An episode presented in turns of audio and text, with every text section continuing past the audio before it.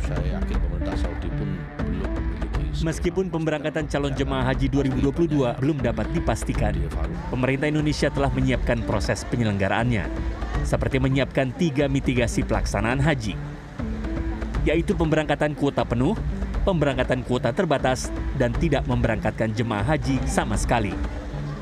Menteri Agama Yakut Kolil Komas mengatakan, jika sesuai rencana, nantinya pada tanggal 5 Juni 2022 para jemaah haji kloter pertama asal Indonesia akan diberangkatkan.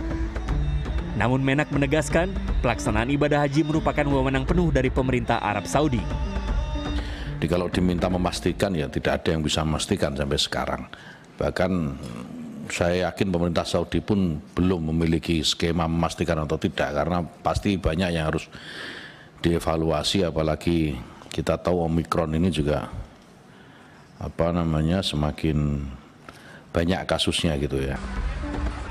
Sementara itu untuk ibadah umroh yang kembali dibuka tahun ini, pemerintah tetap membolehkan warga negara Indonesia untuk menjalankan ibadah umroh ke Tanah Suci Mekah. Menteri Agama meluruskan kabar terkait adanya informasi mengenai pemberhentian umroh satu pintu atau one gate policy per 15 Januari 2022. Namun melihat situasi terkini, Menteri Agama memutuskan keberangkatan dan kepulangan jemaah umroh Indonesia tetap menerapkan satu pintu.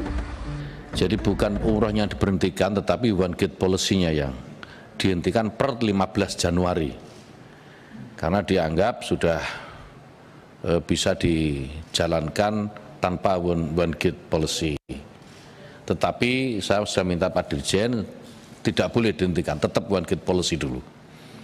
Jangan kemudian di masing-masing e, daerah bisa terbang sendiri-sendiri itu. Kebijakan One Gate Policy mewajibkan jemaah umroh dari seluruh Indonesia untuk melakukan karantina selama satu hari di Asrama Haji Pondok Gede, Jakarta Timur. One Gate Policy terus diberlakukan guna mencegah penularan virus corona bagi calon jemaah. Tim Liputan CNN Indonesia.